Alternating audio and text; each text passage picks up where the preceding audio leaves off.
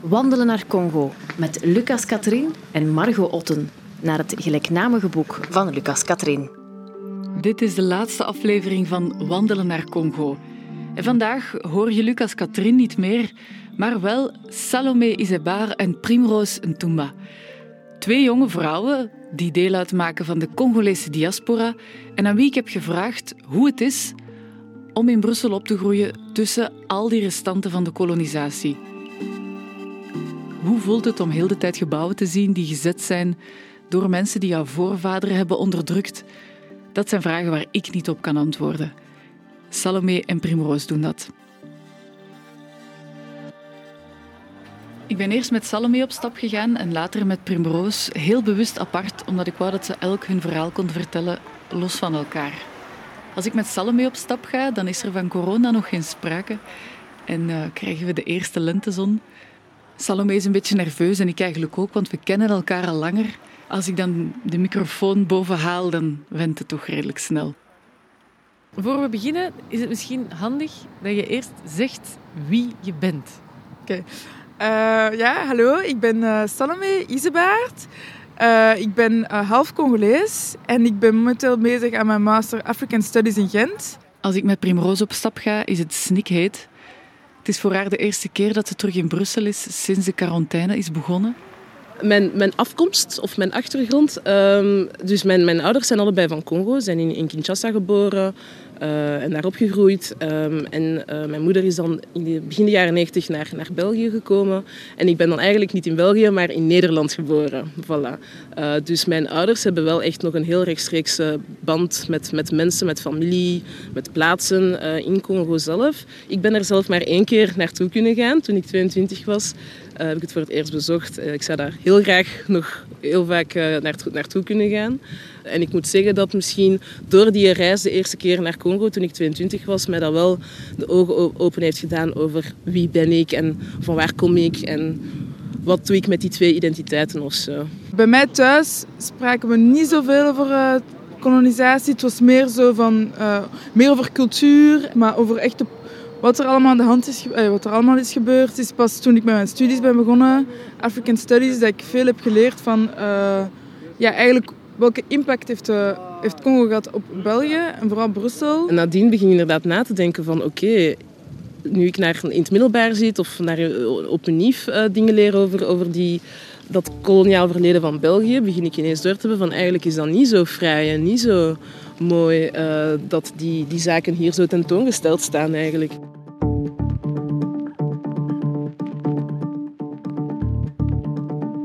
Ik denk dat dat zowel mensen van, van Congolese afkomst, maar ook de gewone Belg ten goede gaat komen om dat verhaal te kennen.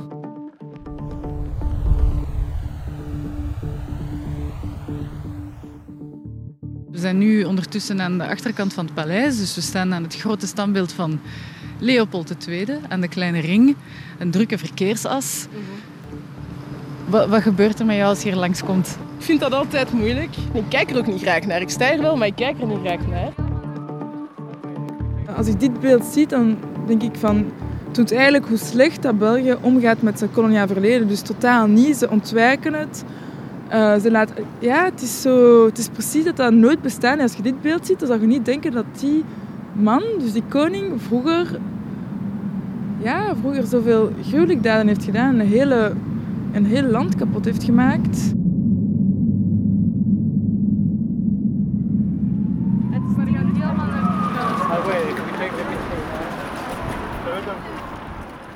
We zijn hier denk ik een kwartier of zo. En er zijn ja. weer al mensen langsgekomen die hier een foto hebben gemaakt met het standbeeld. Ja, dat is gek hè? Ja, dat is echt, ik vind dat zo...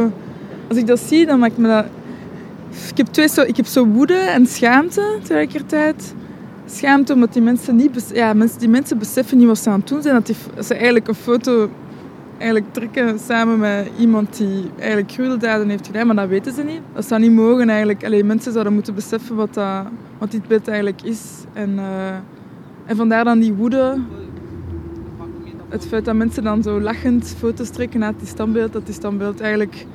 Ja, ja een deel van... Allee, ja, mijn tweede... Mijn, allee, mijn, ja, mijn tweede, allee, ja, mijn tweede identiteit... Uh, ja, dat compleet heeft... Ja, heeft Congo compleet ja, ontwricht gewoon. En uh, heeft iets gedaan dat nog altijd gevolgen heeft voor eh, vandaag de dag. Ik ben hier ook in mijn, in mijn tienerjaren ook heel vaak gepasseerd. En toen stond ik nog niet stil bij heel dat verhalen. En ik had totaal niet door dat dit met mijn verleden te maken heeft. Voor zowel ik als heel veel andere jongeren, de laatste, denk ik, vijf à tien jaar hebben veel mensen gewoon inderdaad in hun vrije tijd veel informatie gaan opzoeken. Maar die zaken zijn geen algemene kennis. We krijgen dat niet mee vanuit school. Zou je het afbreken of veranderen? Haha, dat is een moeilijke vraag. Ik heb me vandaag de vraag nog gesteld. Allee, dat is een vraag waar ik, allee, ik denk daar veel over na. En ofwel, ik, dat is gewoon mijn persoonlijke mening.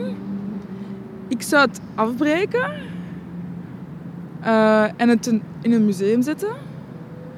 Maar uh, dan is ook de vraag, hè, dat mensen moeten dat zien, want het is deel van het koloniale verleden en het werd ook gebruikt als propaganda. Dus, maar dan moet er wel meer zijn dan, dan een naamkaart, vind ik. Of hmm. dan zou echt wel misschien ook een andere standbeeld of zo tegenover moeten staan van een, kunst, van een kunstenaar. Uh, liefst een Congolese kunstenaar. Uh, veel meer dingen moeten rond gebeuren eigenlijk om, zo die, om die standbeeld een beetje van context te veranderen. Uh, want een, gewoon, een, allez, gewoon meer tekst, dat gaat, dat gaat het niet maken.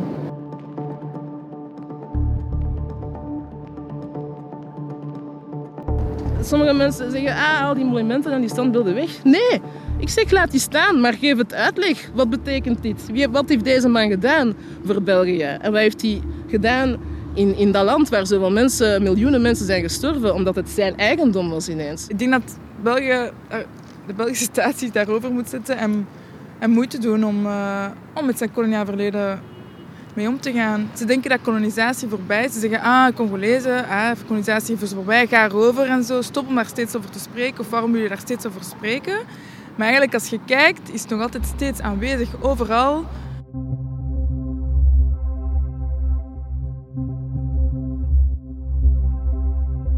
Aan het standbeeld van Leopold II grenst natuurlijk ook de Brede Rode Straat, waar we langs lopen. Het hoofdkwartier van de Congo-Vrijstaat bestaat misschien niet meer, maar het gebouw is er nog. Een soort Noorse chalet. En hier, uh, dat is het gebouw dat ik bedoelde. En dat was dus het, het, het, hoofdkwartier. Al die grote beslissingen werden hier dan gemaakt en werden dan doorgegeven aan de bestuur in Congo. Oké, ja, het is wel goed onderraden dan, hè? Ze hebben eigenlijk nooit rekening gehouden met wat de Congolezen wilden. Of ook totaal rekening houden van hoe het was eigenlijk vroeger. Ze hadden hun eigen politieke organisatie. Ze hadden hun eigen manier van leven. Ze hadden een systeem van handel. Uh, maar daar werd allemaal geen rekening mee gehouden. En ze hebben echt gewoon hun, hun eigen ding willen, ja, gemaakt eigenlijk van... Uh, van Congo.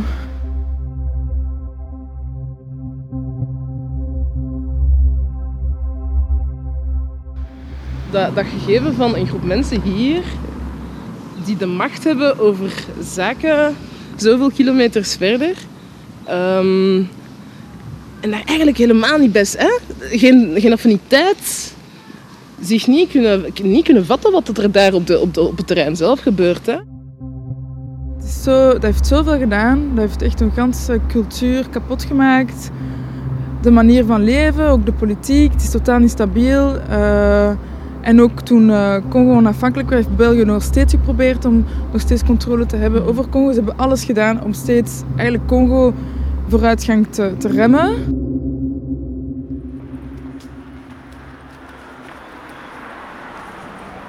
Die erkenning gewoon van te kunnen zeggen: sorry, dit was fout. We hebben handen afgekapt. We hebben vrouwen verkracht. We hebben mannen uh, tot slaaf gemaakt en als kind behandeld.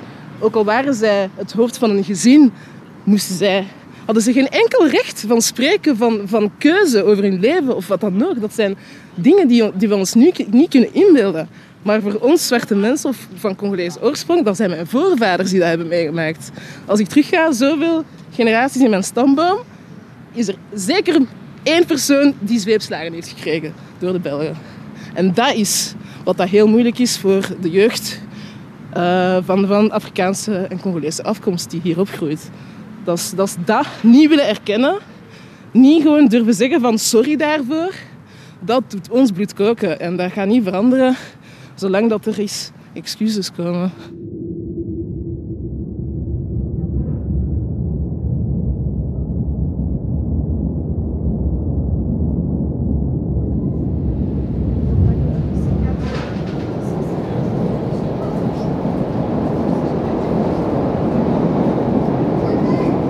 Misschien moeten we straks uitstappen aan Schumann, als we langs de voorkant Ja, willen gaan. Dat is eigenlijk beter, hè? ja dat kunnen we. Ja. Met Salome trek ik dan naar het Jubelpark.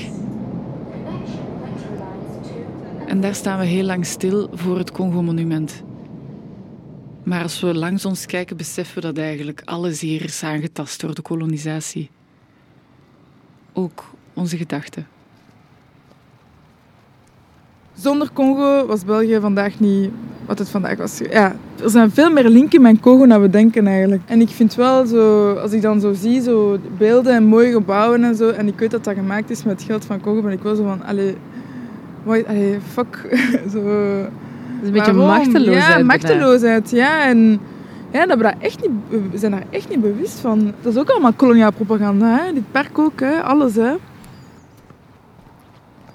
Dus eh, nu staan we hier eh, in het Jubelpark voor het Congo-monument.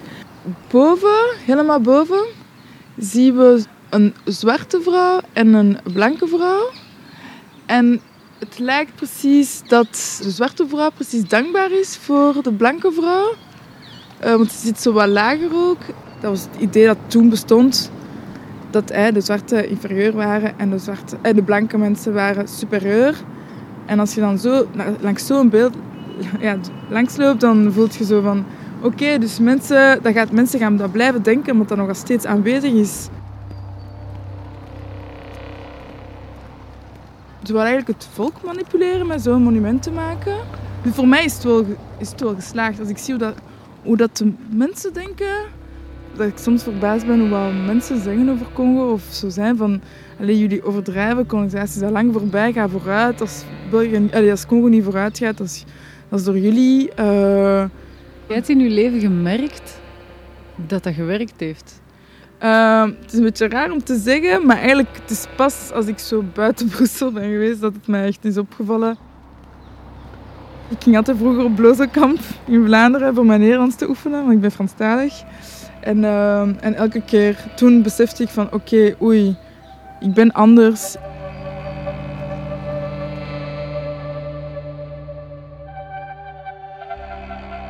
Zo vooral naar andere kinderen die met mij wilden spelen. Of dat ik Nutella werd genoemd. Of, eh, of ja, of ze zeiden dat ik kaka was of zo. Of, ja, zo van die... Of zo van die opmerkingen dat ik echt werd uitgesloten. Was altijd heel vreemd, omdat ik, in- ik ben in Brussel opgegroeid en ik was daarmee nooit geconfronteerd op school. En dan plots ga ik zo naar een blozenkamp. Ja, buiten Brussel of echt in Vlaanderen. En dan maak je dat wel mee. ehm. dus ik denk dat die, ja, die mensen toen ook, die kinderen, niet veel eh, mensen met kleur hebben gezien waarschijnlijk.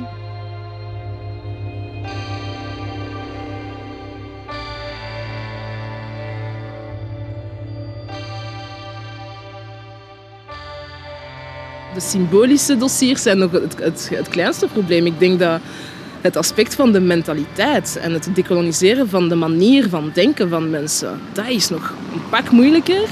En daar is ook heel veel weerstand tegen gewoon. Of ehm, ook van, eh, als ik zeg dat ik universiteit, ik op een universiteit studeer, is het ook van, ah, je zit op universiteit, ah. Zo toch zo bewondering, zo van, ha. Eh, ja, Van die, die kleine microaggressions, zoals je dat heel vaak hè, in Amerika, zijn, zijn bepaalde concepten ook veel, veel beter uitgewerkt dan veel bekender. bijvoorbeeld, ah, je spreekt goed Nederlands. En dan heb ik zo, ah, ik zie er niet Vlaams uit, antwoord ik dan soms. En dan zeg maar nee, je huidskleur.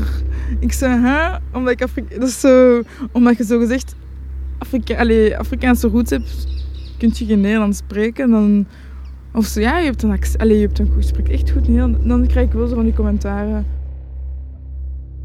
Dat is wat dat mensen van kleur, of nu zwart of, of van, van afkomst, dat zijn zaken die wij, wij worden er vaker aan herinnerd. Van, jij bent niet van hier, jij bent anders.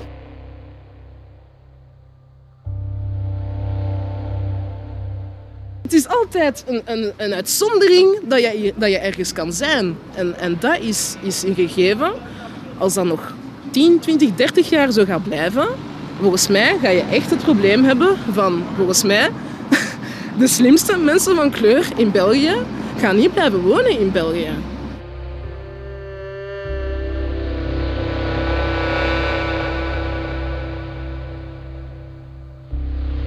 Ben je hoopvol of ben je pessimistisch? Ah, ik moet hoopvol zijn. Ik moet hoopvol zijn, want ik, ik probeer daar zelf ook aan mee te werken. Uh, dus ik kan niet anders dan hoopvol te zijn. Maar het is een strijd die, die heel veel vraagt van uh, mensen die eigenlijk niet altijd veel hebben. Die ook niet veel middelen hebben of niet veel middelen krijgen om die strijd te voeren. Uh, dus het is ook een oneerlijke strijd. Daar, dat is het ook.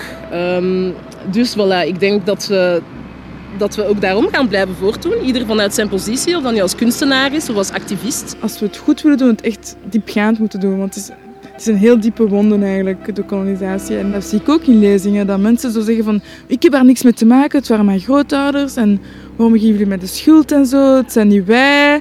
Maar daar, gaat, het gaat, het niet om, het gaat over, de, het, gaat wat er is gebeurd, de gevolgen en hoe dat we daar vandaag mee moeten omgaan. En mensen moeten zich, moeten zich niet aangevallen voelen. Als jij als witte mens aanvoelt van dit is niet oké, heb je evenveel het recht om daar iets over te zeggen als ik. Er zijn ook veel mensen van Belgische afkomst die ook samenwerken met de diaspora. En uh, het is wel een last, maar ik, het, is wel het is wel onze opdracht om het te doen. We hebben uiteindelijk denk ik wel hetzelfde doel. Veel mensen hebben toch hetzelfde doel als het gaat over die dekolonisatie. Dus hopelijk kunnen we onze krachten bundelen, ook samen met de, de mensen in de academische wereld. Uh, en er samen iets aan doen.